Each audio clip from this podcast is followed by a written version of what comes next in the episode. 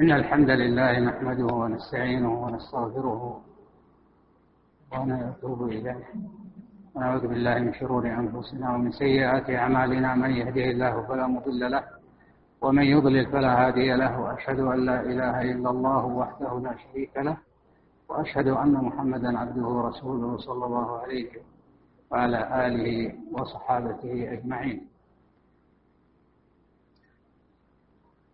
سيكون درسنا إن شاء الله تعالى والدروس التالية في آه، الإيمان باليوم الآخر من هذا الكتاب الذي بأيديكم. وكما تعلمون الأمور المتعلقة باليوم الآخر كل المباحث التي فيه الأصل فيها هو الإيمان بالغيب. وهو الذي امتاز به المسلمون وهو الصفة التي أثنى الله بها على المؤمنين الإيمان بالغيب. سواء ظهرت للإنسان الحكمة فيها أو لم تظهر أو التعليل أدرك ذلك أو لم يدركه المهم فيه ما دام الخبر ثابتا في كتاب الله جل وعلا وفي صحيح سنة النبي صلى الله عليه وسلم فعلى المؤمن أن يؤمن به. هذا يجب أن, أن, يؤكد عليه في دراسة جميع أحوال الآخرة والمغيبات كلها مثل أخبار ما سيحدث من الفتن والتي سيمر علينا منها في أشراط الساعة.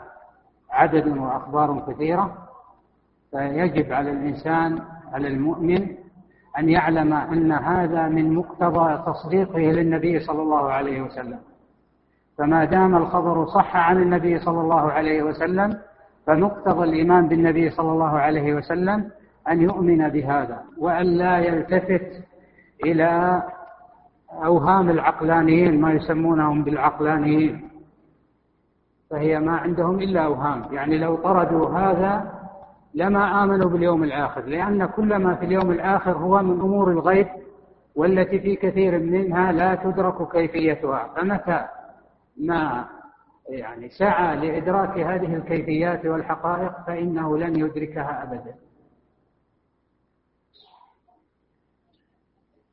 بسم الله الرحمن الرحيم. الحمد لله رب العالمين والصلاة والسلام على رسول الله وعلى آله وصحبه أجمعين. أما بعد يقول نخبة من العلماء رحمهم الله تعالى في كتاب أصول الإيمان في ضوء الكتاب والسنة. الفصل الرابع الإيمان باليوم الآخر وفيه ثلاثة مباحث. المبحث الأول أشراط الساعة وأنواعها. المبحث الثاني نعيم القبر وعذابه وفيه ثلاثة مطالب. المطلب الأول الإيمان بنعيم القبر وعذابه وأدلة ذلك. المطلب الثاني وقوعه على الروح والجسد معا سامعين طيب؟ المطلب الثالث الإيمان بالملكين منكر ونكير. المبحث, المبحث الثالث الإيمان بالبعث وفيه مطالب. المطلب الأول معنى البعث وحقيقته. المطلب الثاني أدلة البعث من الكتاب والسنة والنظر. المطلب الثالث الحوض صفته وأدلته. المطلب الرابع الميزان صفته وأدلته. المطلب الخامس الشفاعة تعريفها وأنواعها وأدلتها. المطلب السادس الصراط صفته وأدلته. المطلب السابع الجنة والنار صفتهما وكيفية الإيمان بهما وأدلة ذلك. هذه هي المباحث التي سنتعرض لها إن شاء الله بالتفصيل. بقدر ما يناسب الزمن وإلا في الأسبوع هذا يمكن لا يكفي لواحد من هذه المباحث لو لو فصل فيه كما ينبغي. لكن الفترة قصيرة و يعني ينظر فيها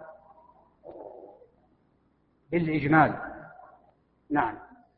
المبحث الأول أشراط الساعة وأنواعها. تعريف أشراط الساعة. الأشراط جمع شرط وهو العلامة وقيل أشراط الشيء أوائله. جاء في لسان العرب والاشتقاقان متقاربان لأن علامة الشيء أوله. والساعة جزء من أجزاء الزمن ويعبر به عن القيامة. قال تعالى وعنده علم الساعة. والساعة من أشهر, من أشهر أسماء يوم القيامة في النصوص الشرعية وكلام الناس. وسمي ذلك اليوم بالساعة لأنه يأتي بغتة فيفاجأ الناس في ساعة. وأشراط الساعة علاماتها وأماراتها التي تقع قبل قيامها. قال الأشراط جمع شرط. الأشراط جمع شرط. هذا هو الذي يفسره به أكثر العلماء. ويضبطونه على هذا الضبط شرط.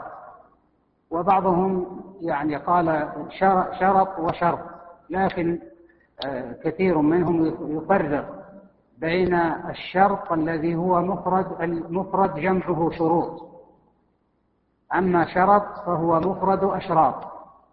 فيكون هناك فرق بين شرط الذي جمعه شروط مثل شروط البيع وشروط كذا وشروط كذا وشرط جمعه أشراط ومنها أشراط الساعة أي علاماتها قال عن أن هذا الساعة قال سميت بالساعة لماذا؟ هذا من أشهر أسمائها أسماء يوم القيامة وإلا في أسماء القيامة كثيرة من أشهر أسمائها ورد عند الناس وفي النصوص الشرعية الساعة. قيل لأنها تأتي بغتة فجأة في الساعة. وقيل هذا الذي ذكره المؤلفون وقيل سميت ساعة لتوقعها كل ساعة لأنها هي مخفية وقتها غير معلوم فالمؤمن يتوقعها في كل ساعة لأنها تأتي فجأة فهي متوقعة في كل ساعة. وقيل سميت الساعة بالساعة لأنها تأتي في آخر ساعة من الدنيا. تأتي في آخر ساعة من ساعات الدنيا. وأشراط الساعة علاماتها وأماراتها التي تقع قبل قيامها. قال تعالى فهل ينظرون إلا الساعة أن تأتيهم بغتة فقد جاء أشراطها. نحن إذا وجدنا نص عن أحد العلماء نكتفي به. فهم يعني أدقوا وفي في عباراتهم وأبلغوا في كلامهم أيضا وهم العلماء. قال القرطبي في التذكرة قال العلماء رحمهم الله الحكمة في تقدم لماذا؟ يعني الله سبحانه وتعالى يعني نحن إذا عرفنا الحكمة فهذا يزيد الإنسان إيمانا يقوي إيمانه. ويقوي حجته على على المخالف إذا عرف الحكمة. لكن لا إذا لم يعرفها فلا يتوقف الإيمان كما قلنا على معرفتها. فقد يكون الله سبحانه وتعالى أخفاها ثم أيضا إذا ظهر للإنسان أن أن هذه قد تكون الحكمة لا يجزم بها. فيقول لعل الحكمة لعل الحكمة هي كذا فلا يجزم بها لأنه ما لم يرد فيها نص. أما إذا ورد نص فيكون الاعتماد على النص فيقول القرطبي قال العلماء رحمهم الله تعالى والحكمة في تقديم الأشراط ودلالة الناس عليها ما الحكمة؟ يقول تنبيه الناس من رقدتهم وحثهم على الاحتياط لأنفسهم بالتوبة والإنابة كي لا يباغتوا بالحول بينهم وبين تدارك العوارض لأن من أشراط الساعة من لا يعني لا, لا تقبل التوبة كطلوع الشمس من مغربها. فإذا بغتوا بهذا وإن أراد أن يتوب كما سيأتينا فإن باب التوبة قد أغلق. فيقول كي لا يباغتوا بالحول بينهم وبين تدارك العوارض منهم. فينبغي للناس أن يكونوا بعد ظهور أشراط الساعة قد نظروا لأنفسهم وانقطعوا عن الدنيا واستعدوا للساعة الموعود بها والله أعلم. والله أعلم. نحن نريد أن نقول هذا. والله أعلم. نؤكد على هذا. نعم. أقسام أشراط الساعة. أشراط الساعة وأماراتها تنقسم إلى ثلاثة أقسام. القسم الأول الأمارات البعيدة. وهي التي ظهرت وانقضت. منها بعثة الرسول صلى الله عليه وسلم على ما جاء في الصحيحين من حديث أنس بن مالك رضي الله عنه عن النبي صلى الله عليه وسلم أنه قال بعثت أنا والساعة كهاتين وضم السبابة والوسطى. طيب. ومنها انشقاق القمر على ما أخبر الله في كتابه. قال تعالى اقتربت الساعة وانشق القمر. ومنها خروج نار من أرض الحجاز تضيء لها أعناق الإبل ببصرى على ما أخرج الشيخان من حديث أبي هريرة رضي الله عنه أن رسول الله صلى الله عليه وسلم قال لا تقوم الساعة حتى تخرج نار من أرض الحجاز تضيء أعناق الإبل ببصرى وقد خرجت هذه النار على ما أخبر النبي صلى الله عليه وسلم في مستهل جمادة الآخرة سنة أربع وخمسين وستمائة. وكان خروجها من شرقي المدينة المدينة النبوية وسالت بسببها أودية من نار وارتاع الناس منها ورأى ضوءها أهل الشام ورأى أهل بصرى وهي إحدى قرى دمشق أعناق الإبل في ضوئها كما أخبر النبي صلى الله عليه وسلم. يقول آه، القسم الأول يعني بعد أن قسم أشراط الساعة إلى ثلاثة أقسام فقال الأول البعيدة التي ظهرت. طيب ما دامت ظهرت للناس ف يعني ما الحكمة من التنصيص عليها ودراستها والبحث فيها وقد ظهرت؟ أيضا يقول القرطبي وأما ما يتقدم هذه يعني علامات الكبرى بعد أن ذكر العلامات الكبرى العشر التي ستأتي إن شاء الله قال أما ما يتقدم هذه من قبض العلم وغلبة الجهل واستيلاء أهله أهل الجهل وبيع الحكم وظهور المعازف واستفاضة شرب شرب الخمور واكتفاء النساء بالنساء والرجال بالرجال وإطالة البنيان وزخرفة المساجد وإمارة الصبيان ولعن آخر هذه الأمة أولها وكثرة الهرج فإنها أسباب حادثة. ورواية الأخبار المنذرة بها بعدما صار الخبر بها عيانا بعدما حصلت ووقعت تكلف. يعني هذا في الظاهر أنه تكلف. لكن لا بد من ذكرها هنا الذي نريد أن نصل إليه.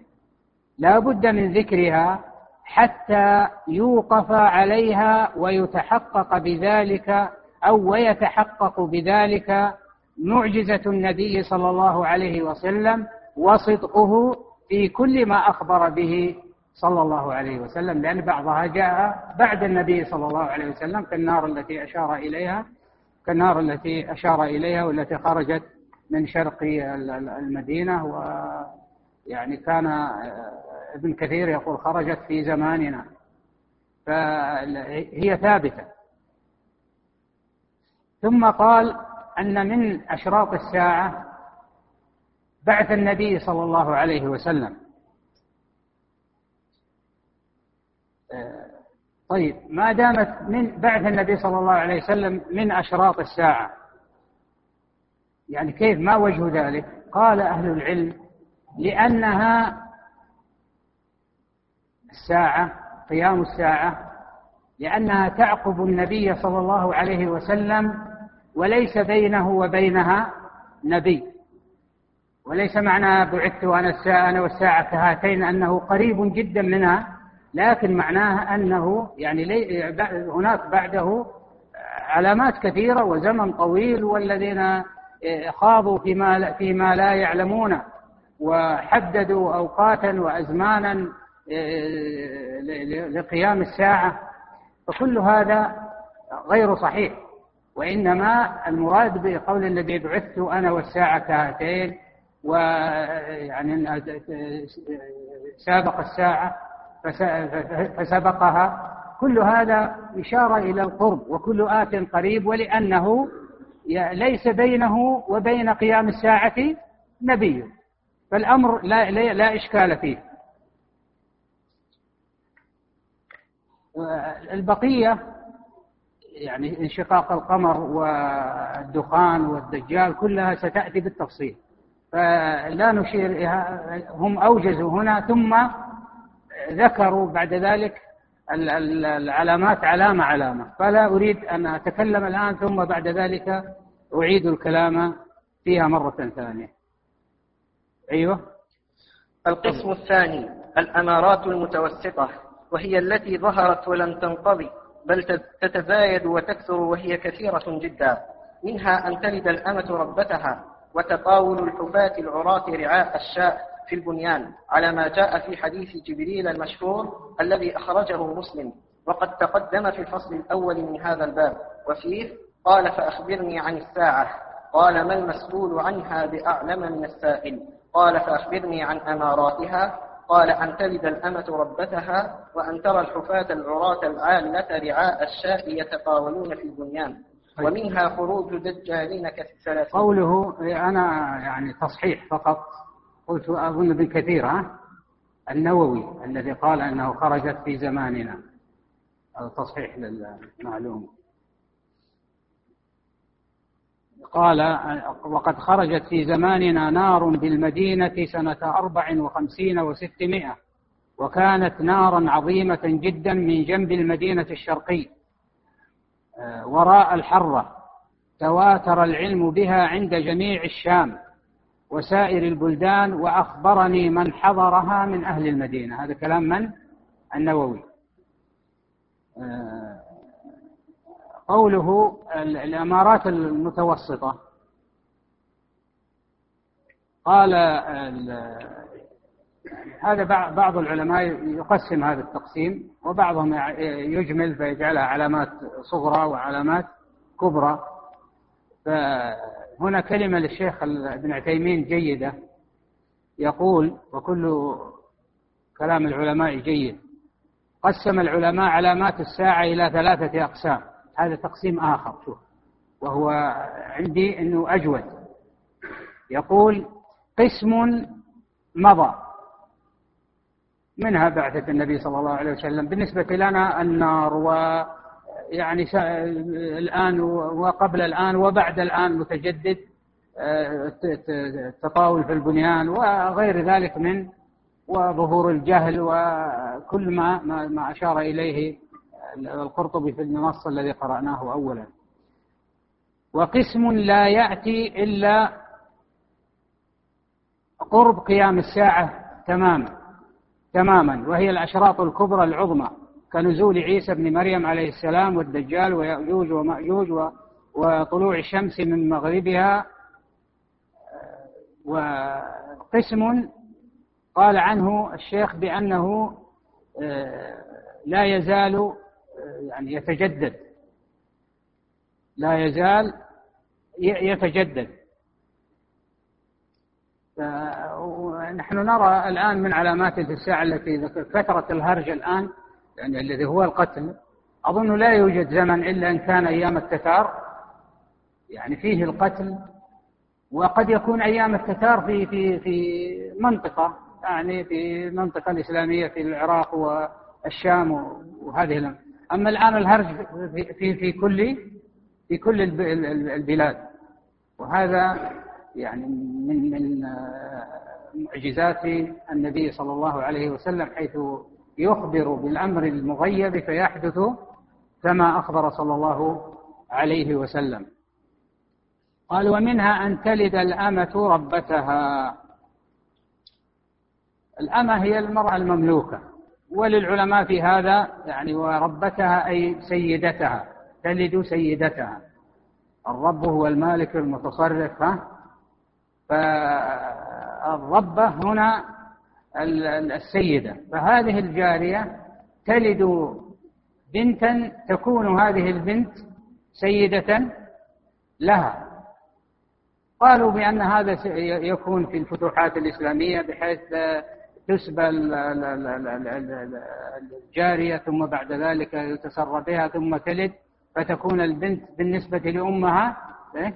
كالسيد كالسيد بمنزلة سيدها لأن مال الإنسان صائر آه، لولده. مال الإنسان يصير لولده. في الأصل هي ملك للوالد للسيد. فالأصل فينتقل الملك إلى ولده فتكون كأن الأم هذه بمنزلة هذا المال المملوك فكأنها يعني ملك لابنتها. هذا أحد الأقوال وهو من أشهرها. قال القرطبي واختلف في معنى قوله أن تلد الأمة رب ربها في بعضها أو ربتها, ربتها على ثلاثة أقوال. أحدها أن المراد أن يستولي وهذا هو المعنى الذي ذكرته لكم. يستولي المسلمون على بلاد الكفر فيكثر التسري فيكون ولد الأمة من سيدها بمنزلة بمنزلة سيدها لشرفه لشرفه بأبيه. وعلى هذا فالذي يكون من أشراط الساعة استيلاء المسلمين على المشركين وكثرة الفتوح والتسري. وثانيها أن يبيع السادة أمهات أمهات أولادهم. ويكثر, ويكثر ذلك. فتتداول الأملاك المستولدة فربما يشتري ولدها أو ابنتها ولا, ولا يشعر بذلك فيصير ولدها ربها. ويقول يكثر التسري ف يعني تلد وتباع وتنتقل مثلا إلى أملاك أخرى وبلدان أخرى ثم تدور كالسلعة ويشتريها ولدها وهو لا يعلم. لكن الأول كأنه أشهر.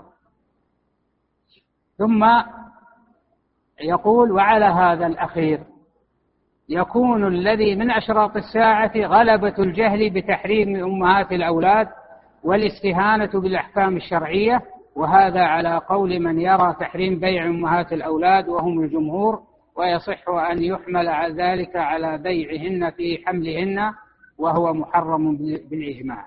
القول الثالث في معنى أن تلد الأمة ربتها أن يكثر العقوق في الأولاد وما أكثره كما ترون. فيعامل الولد أمه معاملة السيد أمته. بس هذا يخليني ما أشوف لكن أنا ما أشوف. من الإهانة والسب. يعني هذا معنى أيضا أوردوه. الولد يعامل أمه معاملة السيد أمته من الإهانة والسب ويشهد لهذا قوله في حديث أبي هريرة رضي الله عنه المرأة مكان الأمة وقوله صلى الله عليه وسلم لا تقوم الساعة حتى يكون الولد غيظا حتى يكون الولد غيظا. فهذا معنى أن تلد الأمة ربتها. أن تق... و... وأي... وإنه سيكون قرأت هذا؟ وأنه سيكون في سيكون في أمتي ثلاثون كذابون كلهم يزعم أنه نبي. وأنا خاتم النبيين لا نبي بعدي. هذا حديث رواه عندكم أبو داود في سننه الترمذي وغيرهم وغيرهما وهو حديث حسن أو صحيح. هذه العلامة قد وقعت. فخرج كثير من مدعي النبوة. قديما منهم مسيلمة والمختار والأسود العنسي وسجاح النبية وسجاح العامرية وحديثا يعني في عصرنا غلام القادياني غلام أحمد القادياني الهندي الذي ادعى النبوة في القرن التاسع عشر الميلادي وله في إظهار دعواه تلك مراحل وقد يخرج دجالون آخرون أيضا. وقد خرج أيضا. دجالون آخرون إلى أن يخرج آخرهم الدجال الأكبر الأعور الكذاب الذي سيأتينا وأنه من علامات الساعة الكبرى. نعوذ بالله من فتنته. فقد خطب رسول الله صلى الله عليه وسلم يوما فقال إنه والله إنه والله لا تقوم الساعة حتى يخرج ثلاثون ثلاثون كذابا آخر شوف آخرهم الأعور الكذاب أخرجه أحمد بسند صحيح.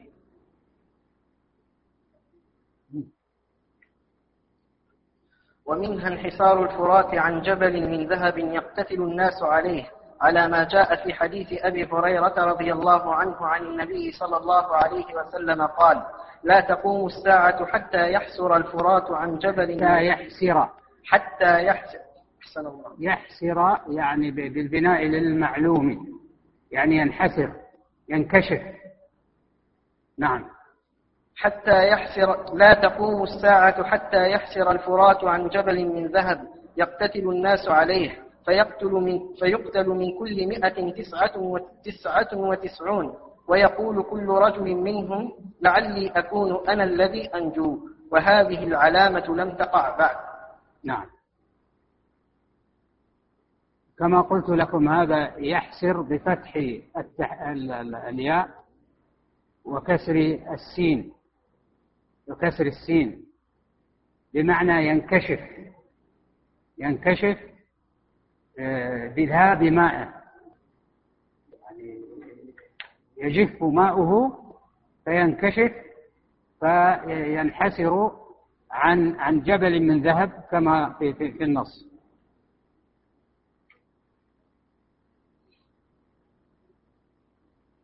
طيب. فهذه من العلامات التي لم تقع وفي أحاديث كثيرة فيقتتل الناس عليه حتى لا يبقى من كل مئة رجل إلا رجل واحد. نعم. نعم. فكل واحد منهم يرجو أن يكون هو الناجي هو الواحد من مئة هذا. نعم.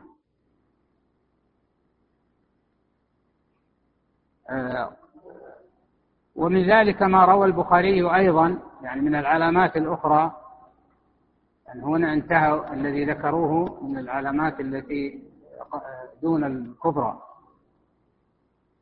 من ذلك ما روى البخاري من حديث أنس بن مالك قال لأحدثنكم حديثا لا لا يحدثكم أحد بعدي. لأنه هو الذي سمعه. سمعت رسول الله صلى الله عليه وسلم يقول من أشراط الساعة أن يقل العلم. أن يقل العلم. ويظهر الجهل ويظهر الزنا وتكثر النساء ويقل الرجال حتى يكون لخمسين امرأة القيم الواحد. خمسين يتعلقن برجل واحد هو الذي يقوم على شؤونهن من قلة الرجال ولعل ذلك من كثرة الحروب والقتل قال ابن بطال تعليقا على هذا الحديث ونحن في ذلك قد قبض العلم. هذا في عهد ابن بطال. ما هو ما هو في عهدنا؟ لو لو كان في عهدنا ماذا يقول؟ يقول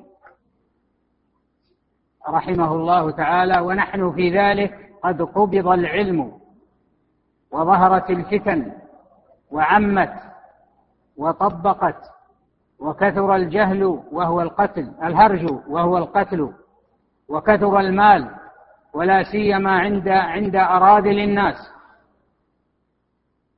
كما جاء في الحديث عند تقارب الزمان يكون يكون أسعد الناس في الدنيا لكع ابن لكع ويتطاول رعاة الإبل البهم في البنيان وقد شاهدناه عيانا. وقد شاهدناه عيانا. هذه إذا المؤمن تزيده إيمانا. كل ما ظهر شيء قال نبأنا بها رسول الله صلى الله عليه وسلم. ليست غريبة. ويزداد إيمانا لكن المنافق والجاهل أو الكافر فإنه يرتاب ويتشكك ويصاب بالذعر. أما المؤمن لا. هو, هو, هو هذه الأمور آتية آتية. هو يجب أن الشيء المؤكد عنده أنه سيموت. ومن مات قامت قيامته فيجب أن يسابق الموت سواء أدرك شيئا من هذه أو لم يدركها. ثم الآن تفصيل العلامات الكبرى كما سيقرأ علينا الأخ. نعم. القسم الثالث العلامات الكبرى. وهي التي تعقبها الساعة إذا ظهرت وهي عشر علامات ولم يظهر منها شيء. روى مسلم في صحيحه من حديث حذيفة بن أسيد قال اطلع, اطلع النبي صلى الله عليه وسلم علينا ونحن نتذاكر. فقال ما تذاكرون؟ قالوا نذكر الساعة. قال إنها لن تقوم حتى تروا قبلها عشر آيات. فذكر الدخان والدجال والدابة وطلوع الشمس من مغربها ونزول عيسى بن مريم صلى الله عليه وسلم ويأجوج ومأجوج وثلاثة خسوف خسف بالمشرق وخسف بالمغرب وخسف بجزيرة العرب وآخر ذلك نار تخرج من اليمن تطرد الناس إلى محشرهم. هذا كلها سيفصلها أيضا وقدم بمقدمة لإثبات وجود هذه العلامات مجتمعة. ثم ثم سيذكرها واحدة واحدة ويذكر بعض النصوص التي وردت فيها.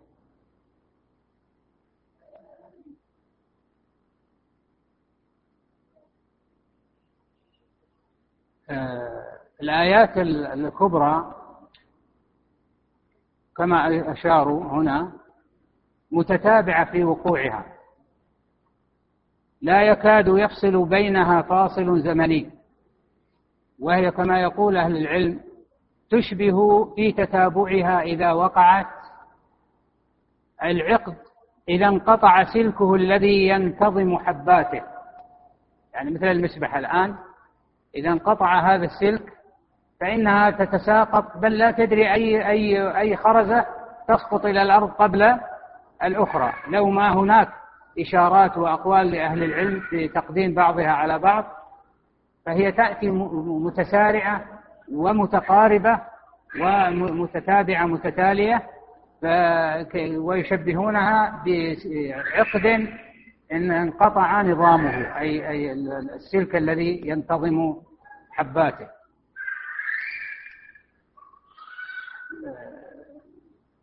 فعن أنس بن مالك رضي الله عنه قال قال رسول الله صلى الله عليه وسلم الأمارات خرزات منظومات يعني تشبه الخرزات المنظومات.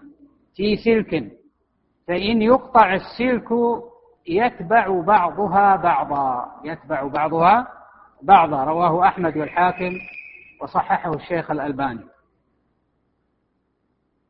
وآخر ذلك نعم. وجاء في بعض الأحاديث الأخرى ذكر المهدي وهدم الكعبة ورفع القرآن من الأرض على ما سيأتي ذكر الأحاديث في ذلك. نعم هو سيفصلها يذكرها واحدة واحدة. نعم.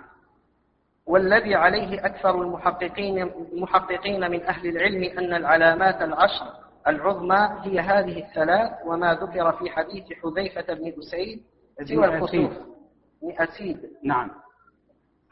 سوى الخسوف سوى الخسوف فإنها وإن كانت من, من علامات الساعة بلا شك كما هو نص الحديث إلا أنها تقع قبل العشر العظمى وهي مقدمة لها ويشهد لهذا ما جاء في رواية أخرى من حديث حذيفة بن أسيد وقد خرجها مسلم أيضا وفيها تقديم الخسوف في الذكر على غيرها من العلامات حيث قال صلى الله عليه وسلم إن الساعة لا تكون حتى تكون عشر آيات. خسف بالمشرق وخسف بالمغرب وخسف في جزيرة العرب والدخان والدجال. ثم ذكر بقية العلامات. قال القرطبي فأول الآيات على ما في هذه الروايات على ما في هذه الرواية الكسوفات الثلاثة وقد وقع بعضها في زمن النبي صلى الله عليه وسلم. ذكره ابن وهب. قال الحافظ قال الحافظ بن حجر في الفتح وقد وجد الخسف في مواضع. وقد وجد الخسف في مواضع. ولكن يحتمل أن يكون المراد بالخسوف الثلاثة قدرا زائدا على ما وجد. هذا لا يشكل. العلماء أجابوا عن كل ما قد يشكل على بعض الناس أو يتوهم منه إشكالا فيقول نحن نرى خسوفات حتى في عصرنا يخسف بكذا ويخسف بكذا. فقال كأن يكون لكن يحتمل أن يكون المراد بالخسوف الثلاثة قدرا زائدا على ما وجد. كأن يكون هذا الخسف أعظم منه مكانا أو قدرا. انتهى كلام الحافظ. والحديث نص نص في آخر تلك العلامات نص على آه، في في فيه فيه أن آخر تلك العلامات ولم ينص. يعني هو قال آخر تلك العلامات هي نار تخرج من عدن تطرد الناس إلى محشرهم. آخر ذلك هذا نص. لكن ما قبلها الترتيب يعني آه، فيه آه، للعلماء كلام وليس هناك نص قاطع على على ترتيب معين لكن استنبط استنبط العلماء من بعض الأحاديث من عمومات بعض الأحاديث من ألفاظ بعض الأحاديث ترتيبا معين وهو الذي سار عليه المؤلفون هنا المهدي ثم الدجال ثم إلى آخره. قال آه انتهى كلام الحافظ. قلت الحديث نص في آخر تلك العلامات وقوعا هي النار. ولم ينص على ترتيب البقية. إلا إلا أن الآيات الكبرى كما قلنا سابقا متتابعة في وقوعها ويصعب تحديد ترتيب هذه الآيات. إلا أنه يمكن أن يقال إن النصوص الواردة مشعرة بأن الدجال أول الآيات العظام المؤذنة بتغير أحوال الأحوال العامة في الأرض وتنتهي بموت عيسى. وأن طلوع الشمس من مغربها أول الآيات العظام المؤذنة بتغير أحوال العالم العلوي. وهذا يعني مأخوذ من كلام الحافظ بن حجر. حجر له كلام نحو هذا أنه في الأول هذا يبدأ التغير بأحوال في الأرض المهدي الدجال عيسى ثم بعد ذلك ينتقل إلى ما هو أقرب للساعة من هذه وهو آه، طلوع الشمس إلى أن آخرها نار تخرج من عدن وسيأتي الكلام عليها إن شاء الله. ينتهي ذلك بقيام الساعة. أما الخسوفات الثلاث والدخان فترتيبها غير واضح من خلال النصوص الواردة. طيب ماذا عندك؟ العلامة الأولى ها؟ اقرأ. وفيما يلي عرض لهذه أيوة. العلامات. هذه الأول كالمقدمة ما سبق. الآن هو درس هذه العلامات علامة علامة. طيب. الأولى؟ العلامة الأولى خروج المهدي وهو رجل من أهل البيت من ولد الحسن بن علي رضي الله عنهما يخرج وقد ملئت الأرض جورا وظلما. جورا ها؟ جورا وظلما فيملأها قسطا وعدلا.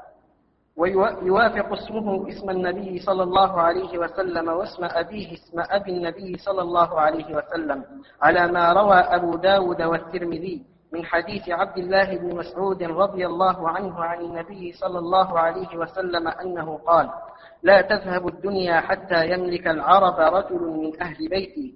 يوافق اسمه اسم اسمي واسم, واسم أبيه اسم أبي يملأ الأرض عدلا وقسطا كما ملئت جورا وظلما. نعم. آه هذا المهدي غير المهدي الموهوم الذي تنتظره الرافضة. قال ابن كثير رحمه الله تعالى في كتابه النهاية في الفتن والملاحم قال فصل في ذكر المهدي الذي يكون في آخر الزمان. قال وهو أحد الخلفاء الراشدين والأئمة المهديين وليس بالمنتظر الذي تزعم الروافض وترتجي ظهوره من سرداب في سامراء فإن ذلك ما لا حقيقة له ولا عين ولا أثر. أما ما سنذكره فقد نطقت به الأحاديث المروية عن رسول الله صلى الله عليه وسلم أنه يكون في آخر الدهر وأظن ظهوره يكون قبل نزول عيسى. شوف أهل العلم كيف؟ أظن. يعني ما جزم. أظن ظهوره قبل نزول عيسى بن مريم كما دلت على ذلك الأحاديث. قال ابن القيم رحمه الله هذا ليس من كلام ابن كثير. قال ابن القيم رحمه الله تعالى وقد اختلف الناس في المهدي على أربعة أقوال. أحدها أنه المسيح ابن مريم وهو المهدي على الحقيقة. قالوا المراد بالمهدي هو هؤلاء اللي ينكرون أن المهدي سيأتي آخر الزمان وأنه من آل بيت النبي صلى الله عليه وسلم من ولد الحسن واسمه كاسم النبي صلى الله عليه وسلم واسم أبيه كاسم أبي النبي صلى الله عليه وسلم إلى آخر ما ورد في صفته. هم يقولون لا المهدي هو عيسى بن مريم. لا شك أن عيسى بن مريم مهدي لكن ليس هو المقصود هنا. القول الثاني يقول ابن القيم أنه المهدي الذي ولي من بني العباس. تعرفون رجل قال المهدي أحد خلفاء بني العباس وقد انتهى زمانه. وهذا أيضا ليس هو المراد.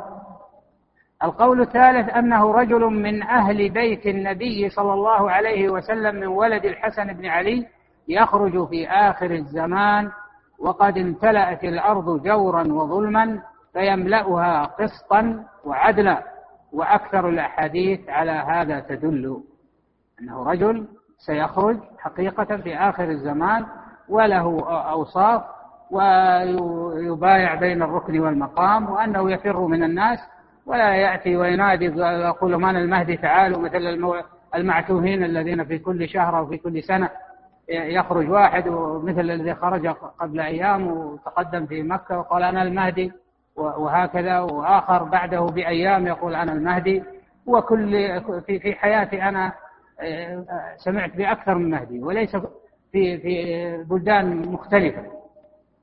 وكل هذا هراء أمراض نفسي مرضى نفسيين هؤلاء. مصابون بمرض نفسي. فليس هذا هو المراد. بل المراد سيأتي فيما بعد كما أخبر النبي صلى الله عليه وسلم وهو من علامات الساعة. وفي كونه من ولد الحسن يقول ابن القيم وهو صاحب هذه اللطائف يقول سر لطيف. وهو أن الحسن رضي الله تعالى عنه ترك الخلافة لله فجعل الله من ولده من يقوم بالخلافة الحق المتضمن للعدل الذي يملأ الأرض آه العدل الذي يملأ الأرض. وهذه سنة. يقول فجعل الله من ولده من يقوم بالخلاف. الحق المتضمن للعدل الذي يملأ الأرض وهذه سنة الله في عباده أنه من ترك آه، لأجله شيئا أعطاه الله أو أعطى ذريته أفضل منه. وهذا بخلاف الحسين رضي الله عنه فإنه حرص عليها وقاتل عليها فلم يظفر بها والله أعلم. وهذا ليس يعني طعنا في الحسين حاشا لابن القيم أن يكون لكن هما سيدا شباب أهل الجنة ففاز هذه هذا بهذه ورضي الله تعالى عن الجميع. ثم قال فهذه أقوال أهل السنة ثلاثة هذه هؤلاء أهل السنة منهم من قال هو عيسى منهم من قال المهدي الخليفة الذي من من بني العباس وهذا غير صحيح. القولان القول الثالث الوسط هو أنه من آه، سيأتي في آخر الزمان وهو أنه من ولد الحسن بن علي رضي الله تعالى عنهما وأنه سيملأ الأرض عدلا وصفاته يعني وفيه كتب ألفت كثيرة وأحاديثه متواترة. أما الرافضة يقول وأما الرافضة الإمامية فلهم قول رابع وهو أن المهدي هو محمد بن الحسن العسكري المنتظر من ولد الحسين بن علي ها؟ لا من ولد الحسن الحاضر في الأمصار الغائب عن الأبصار الذي يورث آه، أو يورث العصا ويختم الفضاء دخل سرداب سامراء طفلا صغيرا من أكثر من خمسمائة سنة فلم تره بعد ذلك عين ولا يحس فيه بخبر ولا أثر. وهم ينتظرونه كل يوم يقفون بالخيل على باب السرداب ويصيحون به أن يخرج إليهم اخرج يا مولانا اخرج يا مولانا ثم يرجعون بالخيبة والحرمان فهذا دأبهم ودأبه ودأبه. انتهى من المنار المنيف في الحديث كتاب ابن القيم المنار المنيف وهناك من أنكر من المعاصرين المهدي. منهم من أنكره؟ من المعاصرين. واعتبره اسطوره وخرافة. وقد رد عليهم العلماء ومن أحسن الردود رد فضيلة شيخنا الشيخ عبد المحسن بن حمد العباد حفظه الله في رسالته الرد على من كذب من كذب بالأحاديث الصحيحة الواردة في المهدي. ومنها رد فضيلة الشيخ حمود بن عبد الله التويجري رحمه الله في كتابه الاحتجاج بالأثر على من أنكر المهدي المنتظر. وله أيضا رد على عبد الكريم الخطيب في إنكاره المهدي والدجال ونزول عيسى آه، آخر الزمان وهذا أشبه بالمقال. سماه إقامة البرهان في الرد على من أنكر خروج المهدي والدجال ونزول عيسى ونزول المسيح في آخر الزمان. أما من المتقدمين قال الشيخ عبد المحسن أما من المتقدمين فقال الشيخ لم أقف على تسمية أحد في الماضين أنكر أحاديث المهدي أو تردد فيها سوى رجلين. تعرفون الشيخ واطلاعه وبحثه. أما أحدهما فهو أبو محمد بن الوليد البغدادي الذي ذكره شيخ الإسلام بن تيمية في منهاج السنة. وقد مضى حكاية كلام شيخ الإسلام عنه وأنه قد اعتمد على حديث لا مهدي إلا عيسى بن مريم. وقال ابن تيمية وليس مما يعتمد عليه لضعفه. هذا الحديث الذي اعتمد عليه حديث ضعيف لا يعتمد عليه. وسبق قال في أثناء كلام الذين نقلت عنهم أنه لو صح هذا الحديث فالجمع بينه وبين أحاديث المهدي ممكن ولم أقف يقول الشيخ على ترجمة لأبي محمد هذا الذي أنكر. ويكفيه أنه لا يعرف. وأما الرجل الثاني الذي قال الشيخ عبد المحسن أنه وجده قد أنكر المهدي فهو عبد الرحمن بن خلدون. ابن خلدون صاحب المقدمة المعروف المشهور وهو الذي اشتهر بين الناس عنه. تضعيفه أحاديث المهدي. وقد رجعت إلى كلامه. هذه مهمة جدا. يقول الشيخ أنه رجع إلى كلامه وتأمله. يقول وقد رجعت إلى كلامه في مقدمة تاريخه فظهر لي منه التردد فظهر لي منه التردد لا الجزم بالإنكار. وعلى كل حال فإنكارها أو التردد في التصديق بما دلت عليه شذوذ عن الحق ونكوب عن الجادة المطروقة. وقد تعقبه يعني هذا ابن خلدون الشيخ صديق حسن خان في كتابه الإذاعة حيث قال لا شك أن المهدي يخرج في آخر الزمان من غير تعيين لشهر وعام. لما تواتر من الأخبار في الباب واتفق عليه جمهور الأمة خلفا عن سلف إلا من لا يعتد بخلافه. وقال لا معنى للريب في أمر ذلك الفاطمي الموعود المنتظر المدلول عليه بالأدلة بل إنكار ذلك جرأة. جرأة عظيمة في مقابلة النصوص المستفيضة المشهورة البالغة حد التواتر. نعم العلامة الثانية فهذا هو المهدي. المهدي هو رجل يخرج في آخر الزمان أخبر عنه النبي صلى الله عليه وسلم وعلى المؤمن المصدق للنبي صلى الله عليه وسلم ما دام صح الخبر عنه بل تواتر الخبر عنه فعليه أن يؤمن به. وما وإذا بدأ ينكر سينكر المهدي ثم ينكر الدجال ثم ينكر الدابة وقد وقع وينكر وينكر إلى أن يصل به الأمر إلى إنكارات كثيرة تجره إلى إنكار آه، معلوم من الدين بالضرورة اليوم الآخر أو بعض مواقف القيامة. نعم. العلامة الثانية ظهور المسيح الدجال. وهو رجل من بني آدم يخرج في آخر الزمان فيفتن به كثير من الخلق. يجري الله على يديه بعض الأعمال الخارقة ويدعي الربوبية ولا يروج باطله على ولا يروج ولا يروج باطله على المؤمن ويدخل الأمصار كلها إلا مكة والمدينة. طيب قف هنا. يقول حتى لا يطول الفصل. يخرج في آخر الزمان. فيفتن الناس فيفتن به كثير من الخلق. يجري الله هذا هو الصحيح. هو رجل دجال سيأتينا معنى الدجال ساحر. ويجري الله سبحانه وتعالى على يديه بعض الأعمال الخارقة. هذه بعض الأعمال الخارقة أشير إلى بعض ما جاء في النصوص منها. أولا لماذا سمي بالمسيح الدجال؟ سمي بالمسيح لأنه ممسوح العين. ورد في وصفها أنها كأنها عنبة طافية يعني لا ماء فيها. فهو ممسوح العين سمي المسيح. وسمي بالدجال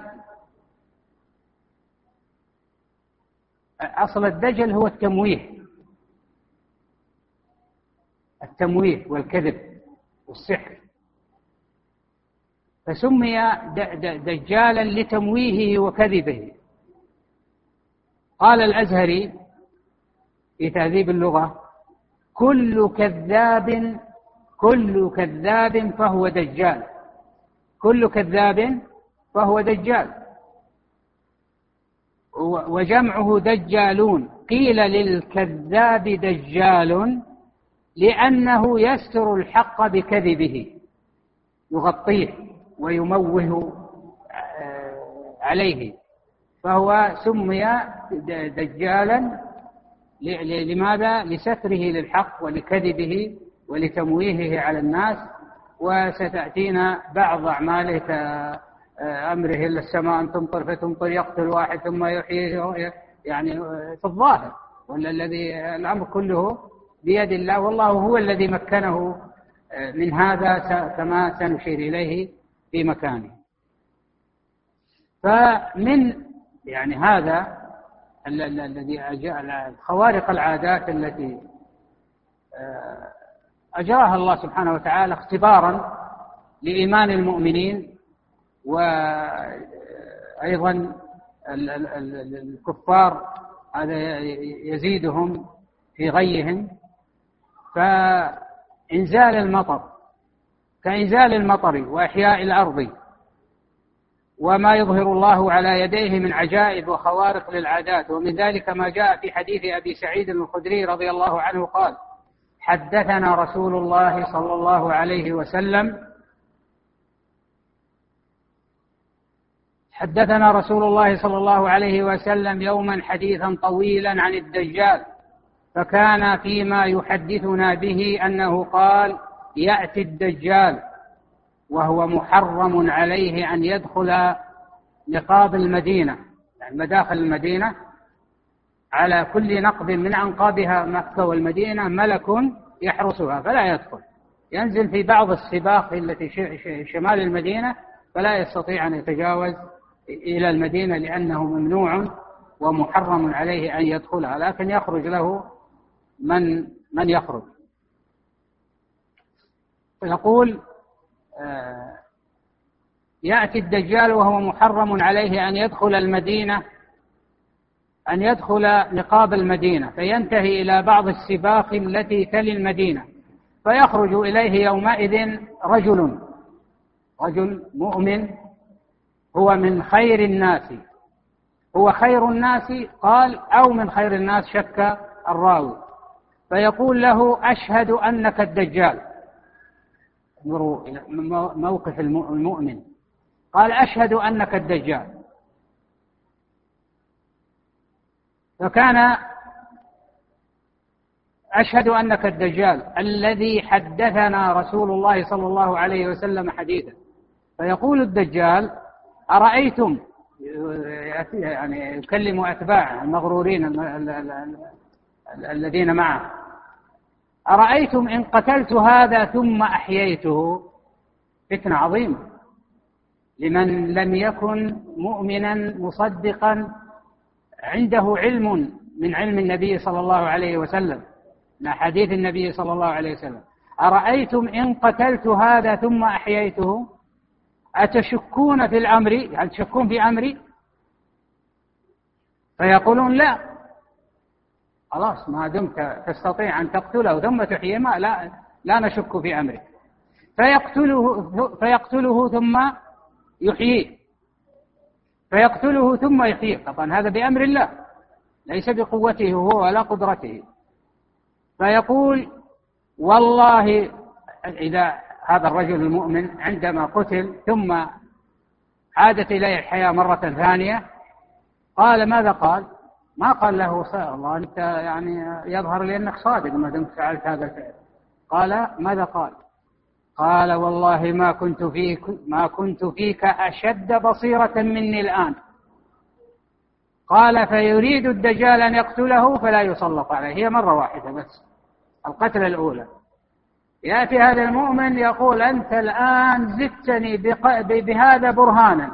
لأن النبي صلى الله عليه وسلم أخبر أنك ستقتل رجلا ثم تحييه. فهذا ما أخبرنا به النبي صلى الله عليه وسلم. إذا أنا زدت إيمانا بأنك أنت الدجال. ولم ولم أزدد إيمانا بأمرك وأنك إله. بل ازددت إيمانا بصدق النبي صلى الله عليه وسلم. في أنك أنت الدجال. ثم يحاول قتله مرة ثانية فلا يسلط عليه مرة أخرى. وهذا يدلك على هذا أمر الله. المرة الأولى أذن الله سبحانه وتعالى له ففعل. سحره هذا.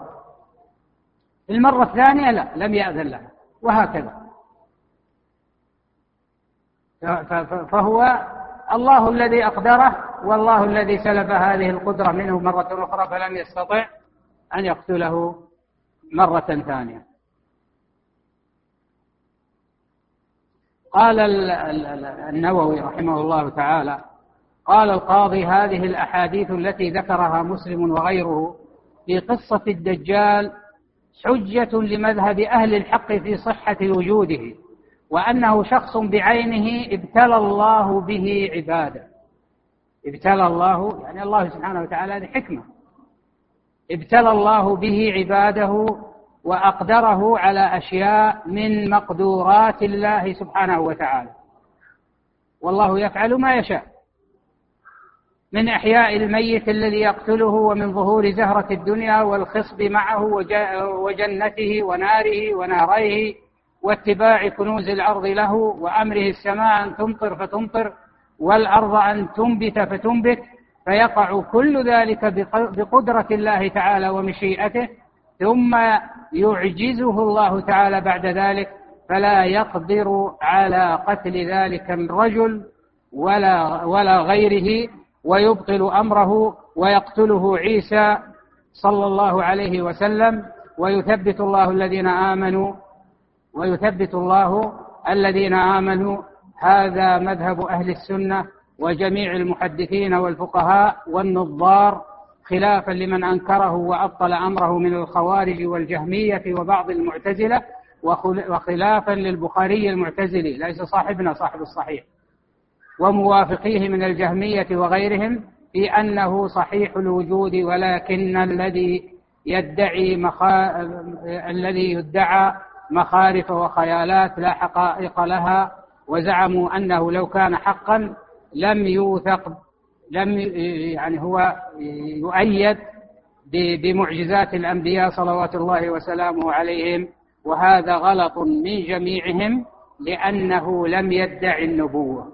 لأنه لم يدع النبوة فلم يعد مشكلا فيقولون ما دام أعطي يعني بعض علامات النبوة وآيات النبوة فأيضا سيشكل الدجال بالنبي صلى الله عليه وسلم ولا يعرف النبي.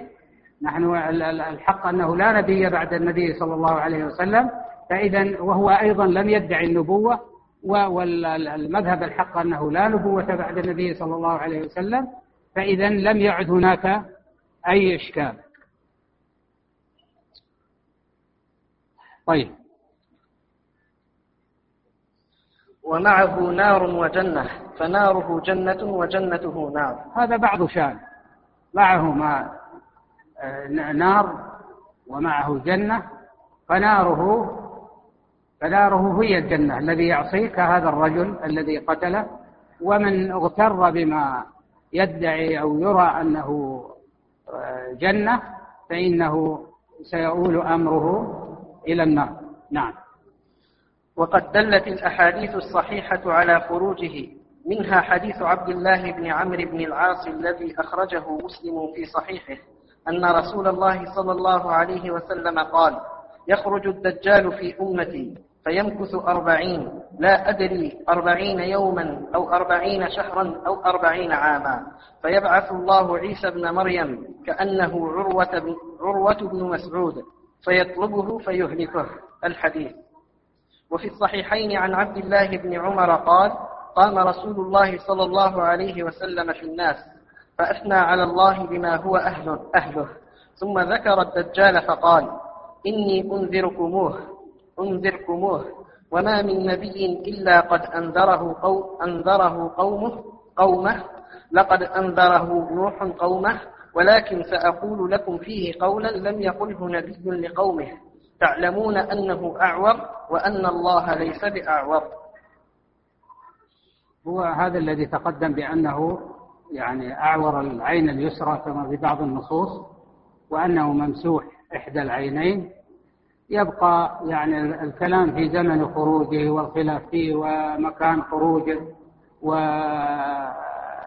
ومكتف الأرض وبعض صفات دابته وكل هذا فيه فيه أحاديث لكن بعضها لا يثبت عن النبي صلى الله عليه وسلم.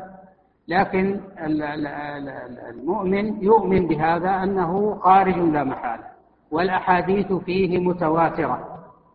وذكر العلماء تواتر هذه الأحاديث عن النبي صلى الله عليه وسلم. فلم يبقى يعني مجال للشك في خروجه. والنبي صلى الله عليه وسلم كان يقول الصحابي ينذرهم الدجال حتى يقول ظننا أنه في طائفة النخل يعني في في بعض أطراف المدينة. وعندما ذكر له ابن صياد أو ابن صائد وذهب إليه النبي صلى الله عليه وسلم مع عمر بن الخطاب رضي الله تعالى عنه وخبأ له اسم صورة الدخان. فقال له وجد الرجل وهو من أوصاف يعني كلام كثير ابن صياد لا يشكل هل هو الدجال ولا ليس هو الدجال.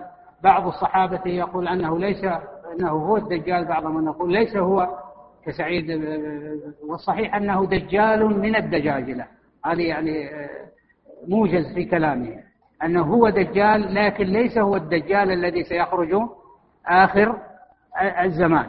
لكنه هو دجال من الدجاجلة يعني أبو سعيد الخدري كان يقول أنه مسلم وأنه حج و ولكن هو خبأ له النبي صلى الله عليه وسلم سورة الدخان فقال له إني خبأت لك خبيئا. يعني ماذا خبأت لك؟ فقال الدخ ما استطاع أن يخرجها كاملة. فقال آه، اخسأ فلن تعدو قدرك. فقال أن, أن, أن عمر بن الخطاب وهو كما تعلمون آه، طلب من النبي صلى الله عليه وسلم أن يقتله. فقال إن يكنه فلن تسلط عليه يعني الذي يقتله ليس أنت. إن يكن هو الدجال فلن تسلط عليه إن يكنه فلن تسلط عليه وإلا يكنه فلا خير لك في قتله. يعني سيثير يعني عداوة وفوضى في المدينة وشيء من هذا فلأن الذي يقتله هو عيسى بن مريم وسيأتينا أنه هو الذي سيقتل الدجال ويقتله في الشام عندما ينزل هناك في دمشق فيقتل الدجال عيسى بن مريم يسلطه الله عليه فيقتله. أما أنت فإن يكن هو فلن تسلط عليه لأنك لست بصاحبه وإلا يكنه فلا خير لك في قتله.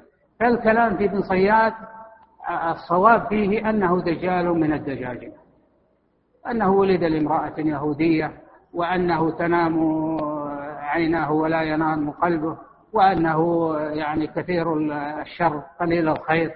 في أحاديث كثيرة يعني في في أوصافه لكنه هو أحد الدجاجلة وليس هو الدجال الذي يقتله عيسى ابن مريم.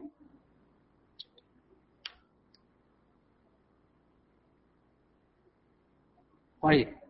ماذا عندك يا العلامة الثالثة نزول عيسى بن مريم عليه السلام من السماء إلى الأرض حكما عدلا فيكسر الصليب ويقتل الخنزير ويقضي على الدجال كما دلت على ذلك النصوص من الكتاب والسنة.